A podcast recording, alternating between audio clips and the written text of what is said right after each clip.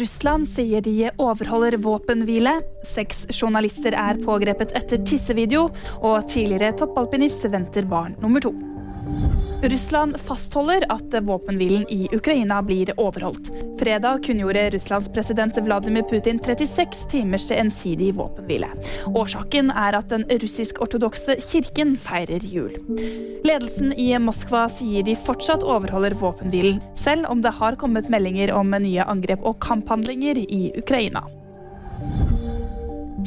Seks journalister er pågrepet i Sør-Sudan.